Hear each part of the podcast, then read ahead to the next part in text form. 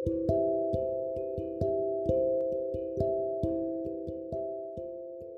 teman-teman si Grace, saya Chandra lagi bersama dengan Pak Cipto. Pak Cipto, saya ingin mendapatkan masukan dari Pak Cipto ini eh, mengenai pertemuan si Grace kita Rabu lalu itu. Kita kan mendiskusikan mengenai uh, tuntunan Tuhan, pimpinan Tuhan atau bimbingan Tuhan. Bahasa Inggrisnya lead, leading Tuhan itu kan menuntun ya, membimbing ya, bukan men, mau memaksa begitu, bukan striving bahasa Inggrisnya. Yang diambil salah satu ayatnya di Mazmur 23 bahasa Indonesia ayat 2, saya bacakan 2B-nya ya.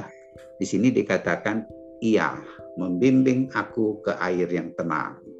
Bagaimana nih Pak Cipto eh, terhadap diskusi yang kita lakukan kemarin itu dan pengalamannya? Silakan Pak Cipto. Thank you Pastor Ching. Ya, ayat ini sungguh uh, luar biasa buat saya ya. Uh, contohnya bulan Juli tahun 2021 yang lalu, uh, Indonesia kan mengalami uh, malapetaka COVID ya, di mana uh, banyak orang itu uh, menjadi korban. Bahkan nafas pun uh, mencari oksigen pun kita berjuang. Nah, jadi uh, tadinya kan kita berjuang ya, striving atau kita punya target ya sehingga uh, setidak-tidaknya punya tabung oksigen di rumah misalnya. Atau uh, pergi ke Singapura misalnya. Atau uh, ke negara lain lah ya uh, merencanakan gitu ya driven. Jadi saya punya ada target ada saya punya drive gitu ya dari pikiran saya untuk mencari perlindungan, keamanan, kenyamanan. Tetapi uh, pada saat itu uh, tidak bisa ya. Uh, artinya banyak tantangannya uh, dan hampir mustahil lah ya. O misalnya oksigen aja dicari aja nggak ada waktu itu di Jakarta. Obat juga tak terjangkau. Um, dan juga akhirnya saya itu merasa terjepit ya, merasa jadi satu korban. Korban dari diri saya yang kurang merencanakan dengan baik, atau korban dari kelalaian orang lain seperti negara.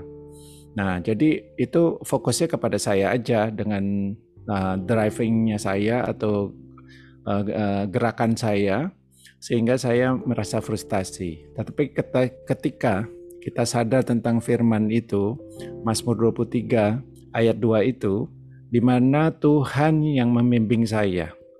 God lead me into still water ya, kepada air yang tenang. Yakni uh, Tuhan Yesus sendiri kan, dia adalah air hidup. Itu yang membuat saya menjadi tenang.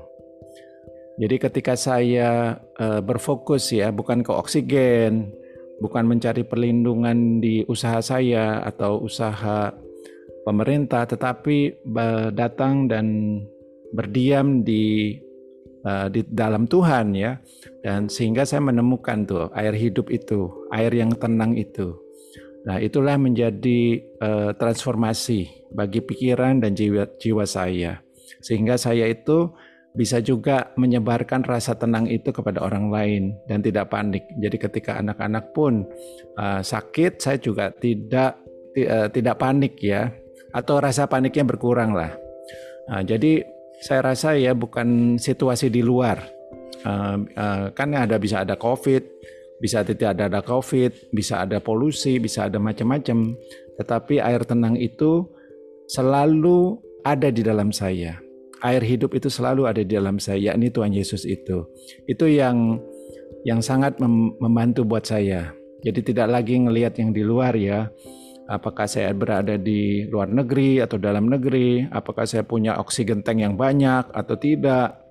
Bahkan ada kena COVID atau tidak kena COVID menjadi bukan terlalu masalah bagi saya. Karena saya memiliki air hidup itu, air yang tenang itu, dan Tuhan sebagai gembala yang baik yang memimpin saya. Yang eh, menyejahterakan saya dan melindungi saya di dalam sejahteranya. Terima kasih Pak Sucing. Wow, terima kasih sekali untuk kesaksiannya. Ya, Kristus itu ya menjadi satu uh, pengalaman mata uh, apa pengalaman air tenang, air hidup yang bisa dinikmati dengan damainya di tengah situasi yang uh, sekalipun waktu itu ya memang fakta manusianya sangat menghimpit ya. Tapi kalau melihat kepada Tuhan di dalam diri uh, Pak Cipto tadi yang sudah di-sharing, ya tentunya nggak terhimpit. Yang ada adalah ketenangan uh, yang bisa dinikmati dan kemuliaan yang bisa dipercayai di dalam Tuhan. Begitu ya Pak Cipto? Amin. Praise the Lord Pak Sucing. Oke, terima kasih Pak Cipto untuk sharingnya. Sampai ketemu lagi di pertemuan Sigris berikutnya. Tuhan memberkati.